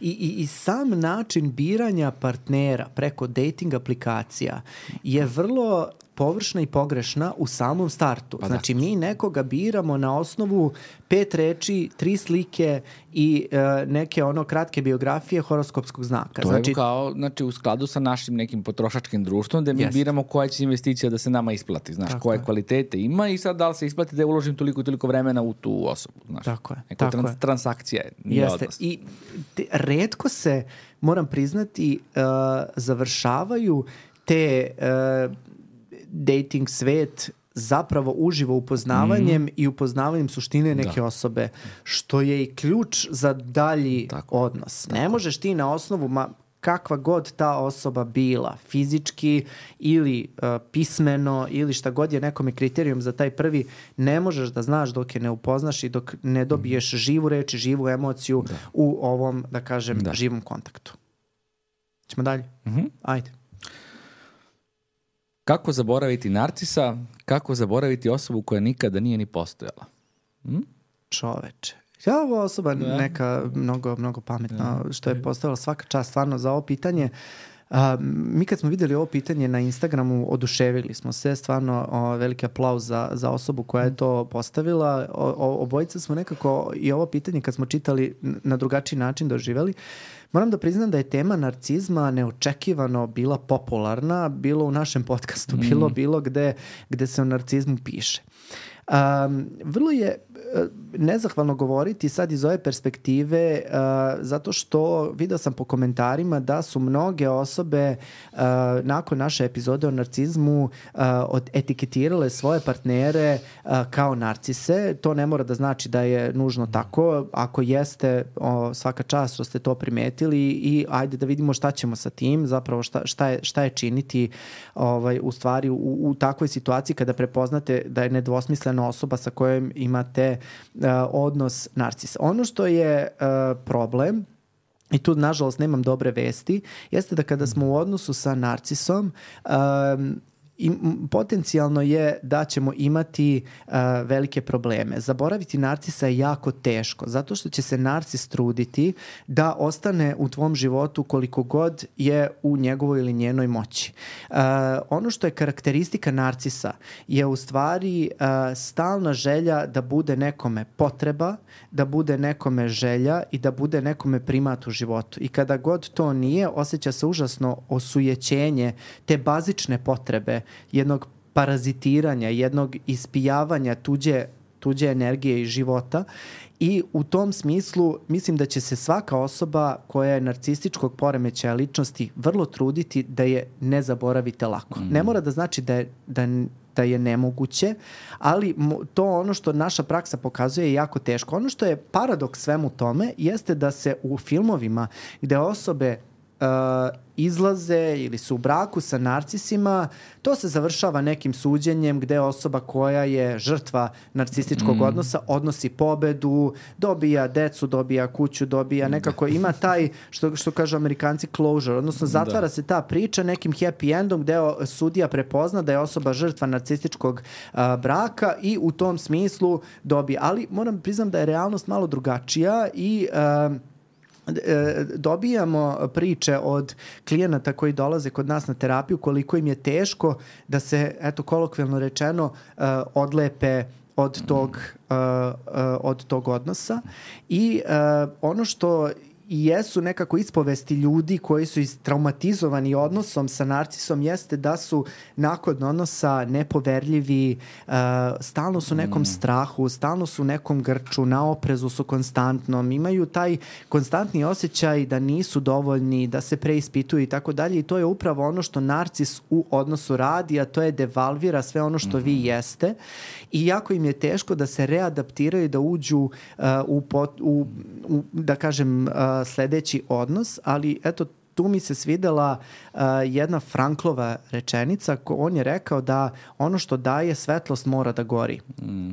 I tu nekako sam se povezao sa, sa, sa tom njegovom rečenicom gde u stvari taj odnos a, koliko god bolio i taj rastanak koliko god bio težak, na kraju stvarno jeste mm. tunel da smo se, a, odnosno svetlo na kraju tunela gde smo se mi u stvari oslobodili te osobe i, a, i nastavili da živimo. I ukoliko ono kolokvijalno rečeno progledamo, prosto otvore nam se od sve moguće prilike koje do tada nismo videli mi i retrospektivno nekad možemo da zaključimo da smo bili, a, da smo bili u ovaj odnosu, da. odnosu sa narcisom. Da. Igraće, igraće oni vrlo često na, taj, eh, na tu krivicu.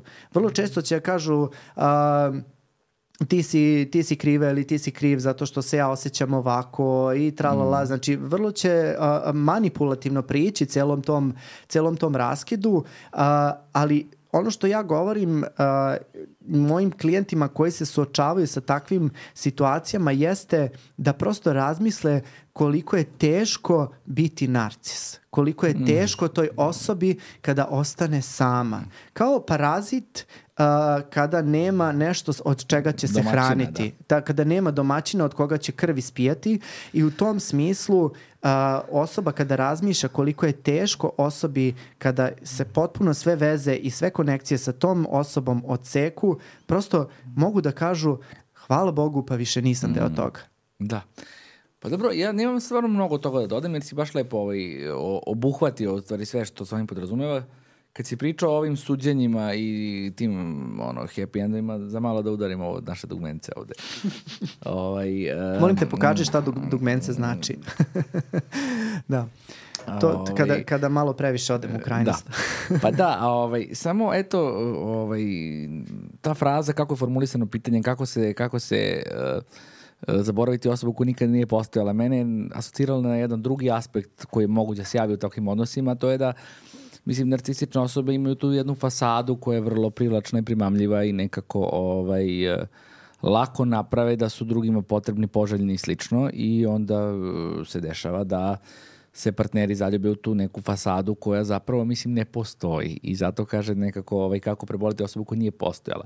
Ali ta osoba postoji za nas, koji smo, ajde kažemo, žalošteni partneri, i onda gubitak takve osobe nije toliko različit od gubitka zbog smrti ne, ne nekoga, jer mi kao moramo da odbolujemo smrt te naše zamišljene, tog zamišljenog idealnog partnera, što opet neko nije lako i zahteva jedan ozbiljan rad kroz neku ovaj tugu i bol da bi mogla se nastavi dalje. Tako da eto, kao što si rekao, mislim, naravno nije nemoguće, ali ni, skoro nikad nije lako. Tako je, tako je. E, uh, ja moram samo da naglasim da smo imali hiljadu pitanja. Znači, ja nisam očekivao da ćemo dobiti uopšte ovoliko pitanja kad smo postavili ovaj, obaveštenje da pravimo ovu epizodu. Ali, uh, eto, izabrali smo koliko smo mogli da, oba, da obuhvatimo, tako da ćemo imati još, još nekih par. Uh, sledeće pitanje, da li uvek ono što nam smeta opisuje nas? Kako dobro pitanje, da. Pa da, ima, mislim, dve stvari. Ključno bih volao da naglasim vezane za, za ovo pitanje. Znači, to je nekako nešto što je uh, psihološki mehanizam projekcije, toliko ovaj, već dugo poznat ovaj, i, i dugo izučavan ili posle nek njemu analogan koncept senke koji Jung razvijao. A to je da mi ono što je u nama, a što je nama neprihvatljivo, neke naše misli, impulsi, emocije, čak i neke osobine, koje mi u sebi ne prepoznajemo jer su nama nepoželjne, vidimo u drugima. Na primer, ako sam ja, ne znam, ne znam, ako sam ja ljubomoran, na primer, i sada ću ja da onda nekako optužujem svoju partnerku da je ona ljubomorna, zato što je meni neprihvatljivo da ja imam ta osjećanja, jer se ona, na primer, sa nekim mojim idealima i vrednostima ne poklapaju. Ili ako ja, na primjer, imam neke agresivne i nasilne impulse, ja ću kažem ti si, ti si agresivno nasilan prema meni. Eto to. E sad, šta se dešava? Naravno da to ima veze sa ovim pitanjem zato što se vrlo često dešava da upravo nas neko iritira ko ima neki naš deo koji mi u sami sebi ne prepoznajemo. Naprimjer, ako sam ja, na primjer, mnogo brbljiv i imam tendenciju da u nekoj grupi ljudi vodim glavnu reč i da ja pričam dosta, da drugi slušaju, kad se pojavi neko drugi koji ima to isto, meni će to strašno da nervira. Znaš, to je jedan, jedan aspekt toga, jer ja eto to, to u sebi ne prepoznajem, jer ja mislim ja sam šarmantan, ja pričam normalno, tako da, i onda ko je neko ko takav isti, ja ću kažem vidi kako je vrbljiv i kako, kako ovaj, ono, grabi tu pažnju po svaku cenu. Ili, na primjer, nešto što mi sebi ne dozvoljavamo, pa kad neko drugi to sebi dozvoli, to isto može da nas strašno iritira. Na primjer, ako sam ja navikao da budem uh, vedar, raspoložen, sve to, ne, da, ne dajem sebi da kukam, znaš, a ta, imam tu potrebu, ta pot- postoji u meni, kad neko dođe i kaže, jao, kako mi je teško danas, to meni to strašno da iritira. To je, prvi aspekt je taj, znači da, odgovor pitanje da, ali ne uvek, jer nekako, ne, to je ono pitanje sad da ne psihoterapeutišemo i psihijatrizujemo sve što vidimo. Nekad nas neko nervira jer je prosto iritantan, jer ima neke vrednosti i stavove koji se nama ne sviđaju. Znači, postoji i to. Nemojmo sada da svaki put kad nas neko iritira, e, da to pri- pripisujemo projekciji, na primjer. To je uglavnom kada nas neko iritira, a da ne, ne znamo zašto. Znaš, kada neko, je, neko dođe i samo me prosto, ono, njegov pristav živcira, ja to ne mogu da objasnim. I nemam opravdanje za to, ali me mnogo iritira. Da. To je uglavnom taj deo da ima nešto naše što smo mi tu prepisali. Da. Evo Uroš se klati na stolici sve vreme dok pričamo, mene to strašno iritira, ali to je samo zato što ja ne mogu da se klatim. jer, su mi, jer ti je fiksirana stolica. Kao, fiksirana mi je stolica zato što su nam gledalci stalno Da. skretali pažnju. Da. znači, odgovor je da, ne uvek. Dobro, sviđa mi se taj odgovor. Ok. Dobro. Idemo dalje. Ajde. Neverstvo, kako prevenirati, kako preboleti, zašto ljudi varaju? Isto dosta teško pitanje. Dosta, da, dosta kompleksno pitanje, ali zašto je kompleksno? I a, razmišljao sam, moram priznati, o ovom pitanju pre nego što smo snimali a, podcast. Dosta ovih pitanja nisam ni video pre nego što smo ušli, ali ovo pitanje mi je onako bilo vrlo interesantno i razmišljao sam šta bih uopšte mogao da odgovorim. Prvo, mislim da moramo da počnemo od toga šta je neverstvo znači. Neverstvo je za mnoge ljude različita stvar. Kada bismo sproveli, mislim, jedno istraživanje gde bismo pitali ljude šta je za tebe neverstvo, mislim da bismo dobili najrazličitiji odgovor. Nekome je neverstvo četovanje sa drugom osobom, nekome je neverstvo pogledati drugu osobu, nekome je neverstvo seksualni odnos, nekome je neverstvo poljubac, nekome je neverstvo... Znači, gde je ta Gde ta tačka, granica? gde je ta granica koja se prelazi da bi za nekoga bilo neverstvo. I kako bismo to uopšte mogli da objedinimo? Nekako kako ja to vidim je u stvari da se celo, celokupni, uh, celokupni, da kažem, uh, format neverstva uh, formira oko tajne. Znači, ukoliko mi posedujemo tajnu, ne mora da znači da je neverstvo gubitak monogamije ili da se radi uh, o neophodnosti treće osobe, na primjer. Neverstvo je više narušavanje poverenja, dogovora o ovome o kojem smo pričali, I ugovora jeste, jeste, jeste. koje smo mi postavili na početku ili na sredini ili bilo gde u nekom segmentu veze. Dakle, prevara ne mora da znači seks. Prevara može da bude i dopisivanje. To je taj osjećaj u stvari koji se dobija tokom uh, činjenja nečega što znamo da će da naudi potencijalno osobi sa kojom smo. Pa makar to bilo i puko gledanje slika po Instagramu, lajkovanje ili, dopi, ili dopisivanje. I ono što mi isto bilo interesantno, ja sam uh, malo i gledao ljude koji se time bavi čitao sam sjajnu knjigu uh, od jedne um, porodične terapeutkinje koja se bavi bračnim odnosima, zove se uh, Esther Perel. Znači ona je jedna od najdivnijih stručnjaka koja se bavi tom temom i moram priznati da evo koga zanima više o odnosima i prevari da zapravo može Fenomenalna, tu- da. fenomenalna i čak eto ima i stranicu svoju na Instagramu, stalno objavljuje neke kratke, kratke klipove. Uh, ima onaj njen TED Talk o tome baš koji je fenomenalan. I jedan Eto, od je- najpoznatijih TED Talkova do jeste. sada, da. Jeste, gde nekako nudi neku, ovaj, mislim, to je osjetljiva tema za mnoge, a ona ipak nudi neku, ovaj, da kažem, sveobuhvatnu ovaj, sliku na to, jer nekako ljude to zanima. Evo, šta je pitanje, zašto ljudi varaju, kako to preboleti? Mislim da nudi dosta dobre ovaj, odgovore i nešto što je prevazilazi ovo neko naše intuitivno, znaš, da se Jeste. to neko okrivljavanje i neku tu, tu ljutnju, a iza toga ko zna šta sve stoji. Ali znaš šta mi se najviše svidelo? Uh, pošto je jedno od najvećih pitanja da li odnos treba da se završi nakon prevare. Ono na čemu ona potencijera jeste da prevara, odnosno sam taj čin koji se desio recimo samo jednom u nekom nehatu, ne mora da bude a, nešto što će obeležiti ceo odnos. Mm -hmm. Ne mora 15 godina braka da se završi zbog jednog dopisivanja. Ukoliko a, ne mora da znači da obeleži a, celokupan odnos i može se na tome raditi i može se iz toga izvući. Može uz neko i veliku, veliki rad i redefinisanje odnosa. Ona čak i mnogo radi, ona radi sa nekim mnogo uzbiljnijim prevarama, to su paralelne veze od po nekoliko godina i sve to i znam da je na jednom videu pričala upravo to kad je dolaze muž i žena gde je muž imao paralelnu vezu u trajanju tri godine. I gde ona kaže, va, vaš brak je sada gotov, jer ste spremni da uđete u vaš drugi brak. Neko kako je to I onda ona toliko priča o tome da nju optužuju ljudi pa ona je za prevaru i onda ona kaže to, ta, ta mi njena metafora mnogo sviđa. Kaže, ne bih preporučila prevaru isto kao što ne bih preporučila čoveku da dobije rak, a opet oba mogu da budu uz njega transformativno iskustvo koje će da dovedu do nekog punijeg življenja života. Sjajno. I ono što je I još jedna rečenica i citirat ćemo je sada, stvarno žena je ovaj, da, ovo je postala kao ovo je postala oda, oda njoj, a to je u stvari kada je rekla mnogo je teže ostati nego otići. Mm -hmm. I to je nešto što kada malo se zadržimo na toj rečenici i zapravo razmislimo o tome zapravo jeste. Jeste, to je u stvari mm. najveći izazov. Najveći izazov je ostati raditi na tome i da vidimo da li može u stvari naš brak i naš odnos da se nastavi nakon tog nemilog da. incidenta. Hoćemo dalje. Ajde, evo jedno interesantno pitanje. Ovaj, da li svaki čovjek ima potencijal da se razvije u genija i koje su to psihološke karakteristike genija? Uh, uh, ovako da ti kažem. Uh, ne. ne, ne, apsolutno da ne. Nema svako potencijal da razvije genije, uh, da razvije genija, uh, da se razvije u genija, međutim, Uh, ono što je jedna od bolnijih tema za mene lično kao stručnjaka koji se bavi decom jeste da najveća većina roditelja koja dovodi decu uh, kod mene u ambulantu, uh, prva stvar koju izgovori nakon što uđe i kaže dobar dan, kaže moje dete je visoko inteligentno. I to je sada postao neki, um, neki da kažem normativ i nešto što se očekuje mm. da ti dete ima visok IQ.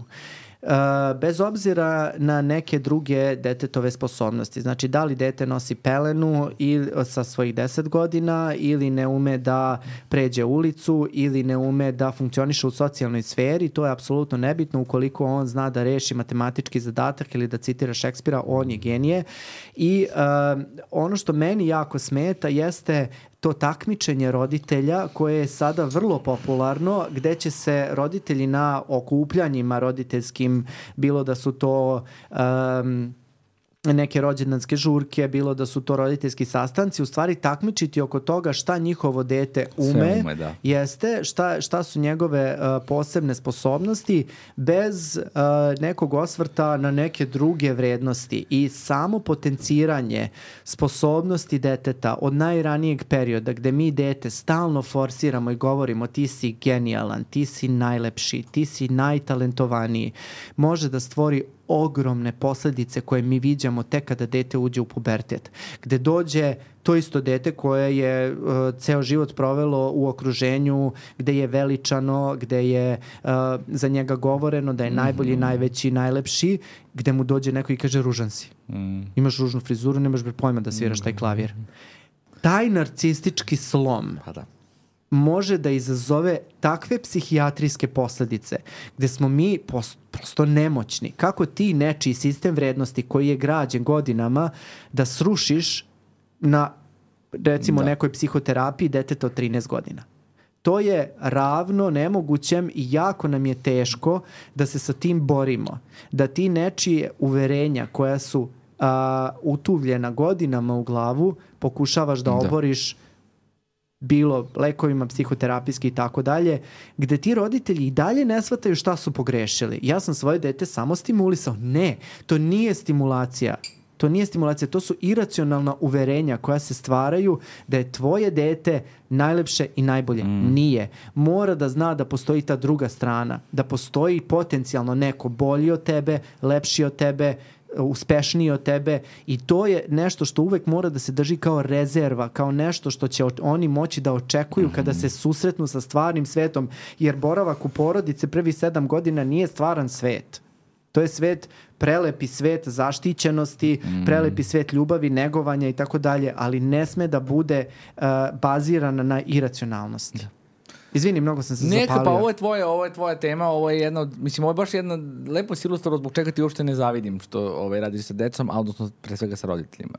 A znaš šta je druga strana cijele priče, evo sad kad sam se već zalaufao o, o, o čemu isto, vrlo često pričam sa roditeljima koji do, dolaze kod mene kad kažu ali ja ne znam što, što recimo uh, ona ili on se samo povređuje ili što kad je ona visoko inteligentna. A me ja kad vidim IQ, visok IQ na psihološkom testiranju, mene uh, odmah padne mrak na oči. Zato što uh, ono što se pokazalo jeste da, da in, deca što su više inteligentna, više pate.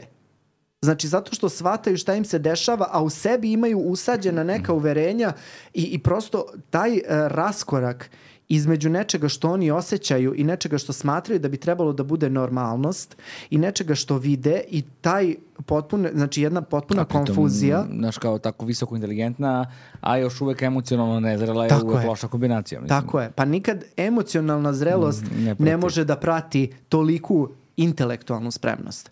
I zašto je onda sad, ja bih više voleo kad mi neko dođe, da mi dođe roditelj i da kaže moje dete ima veliku empatiju prema drugoj deci nego da mi dođe i da kaže moje dete ima ogroman IQ i zna da rešava uh, aritmetiku, koju ja dan danas ne znam. dalje, ja bih samo pitao, zašto je uopšte važno da li može moje dete da bude genije? Zašto meni potrebno da moje dete bude genije? Pa to je ključno pitanje. Onda se vraćamo na porodičnu Jest, terapiju. Znači onda jest. se vraćamo tri koraka unazad i na roditelje i na njihove roditelje i zašto je u stvari uh, prioritet te porodice da dete bude genije. O čemu ta potreba? Odakle to? I onda naravno dolazimo do toga da uh, kako izgledaju današnji, pa svi roditelji ja mislim da znaju kako izgledaju današnje utakmice dečijih futbal, Mm. dečijeg futbala, dečije košarke i tako, mislim gde roditelji su uh, nesnosni. Ja moram to da kažem. Znači potpuno to, to je jedna, to je jedan cirkus. Znači gde roditelji su spremni da se potugu sa sudijom zato što je, ili su spremni da toliko prete nastavniku što je njihovom dete dalo jedan da su, da su nastavnici potpuno obespravljeni bilo kakvom intervencijom Da. jer su pod pritiskom i pretnjama roditelja koji smatraju da njihovo dete ne zaslužuje nikakvu sankciju za svoje loše ponašanje. Izvinjavam se. Sad ja nemam, ali ja stvarno nemam ništa da dodam jer ovaj nekako je tvoja, tvoja je tema i potpuno i sveg srca podržavam sve što si rekao. Eto, mislim. Da, hvala ti. Uh, hoćemo sad ovo poslednje? Ajde. Ajde, ajde, evo poslednje pitanje i ostatak pitanja ostavljamo za Patreon, Da. hoćemo tako. Ajde, dobro, može. Hoćeš ja da pročitam? Ajde. Ajde. Kako izaći iz pozicije uh, poslušne devojčice, a odrasli smo? E sad ima i sledeće pitanje koje se nekako nadovezuje na ovo, pa možemo i zajedno ga pročitamo.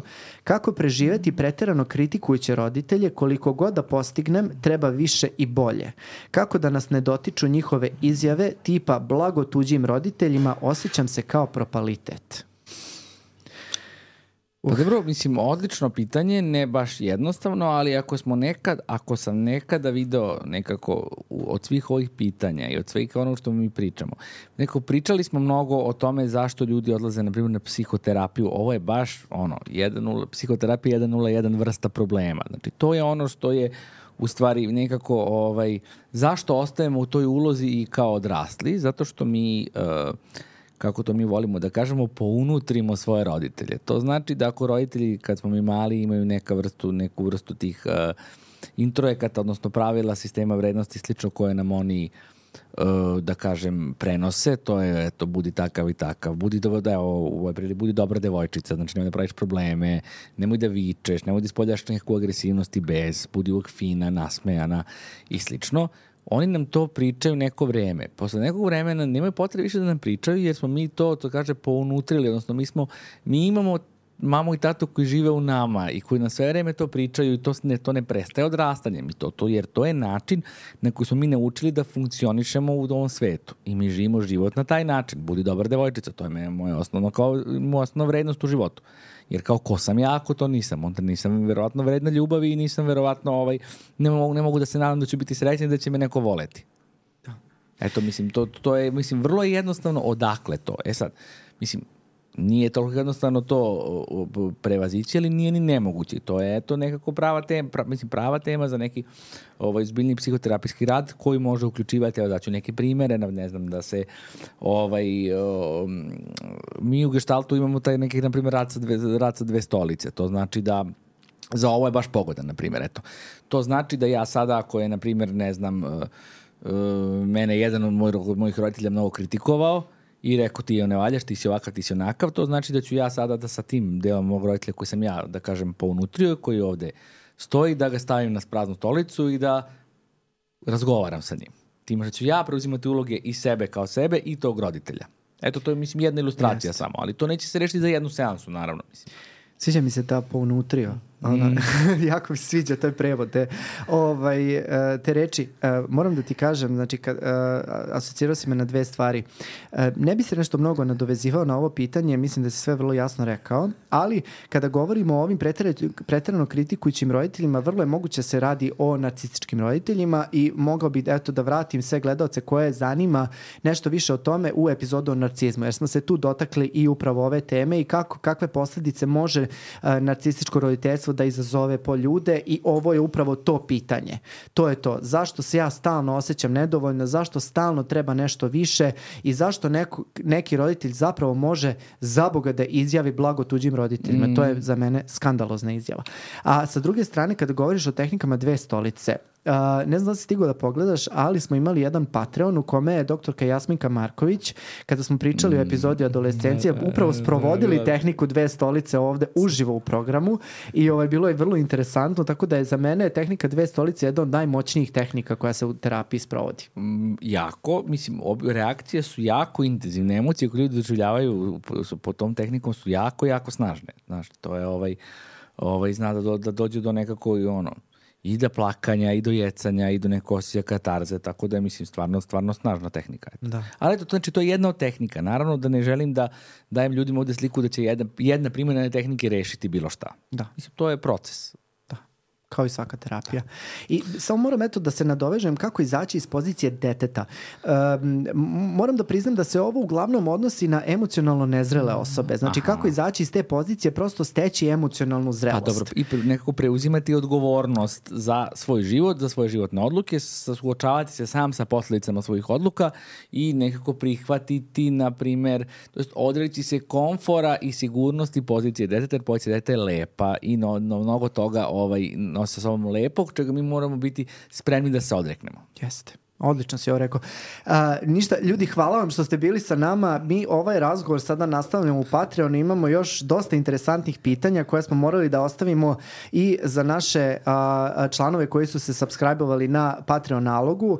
A, ukoliko ste uživali u ovom razgovoru, mi vas evo sada molimo da, vas, da nas podržite tako što ćete nas ovaj, zapratiti ovde, odnosno subscribe-ovati se na naš YouTube kanal i ostaviti komentar ukoliko vas nešto od tema dodatno interesuje. Mi ćemo ćemo naravno ove epizode snimati periodično, tako da ćemo pratiti vaše komentare kao što smo to radili i do sada. Uh, ništa do sledeće epizode, vidimo se. Ćao!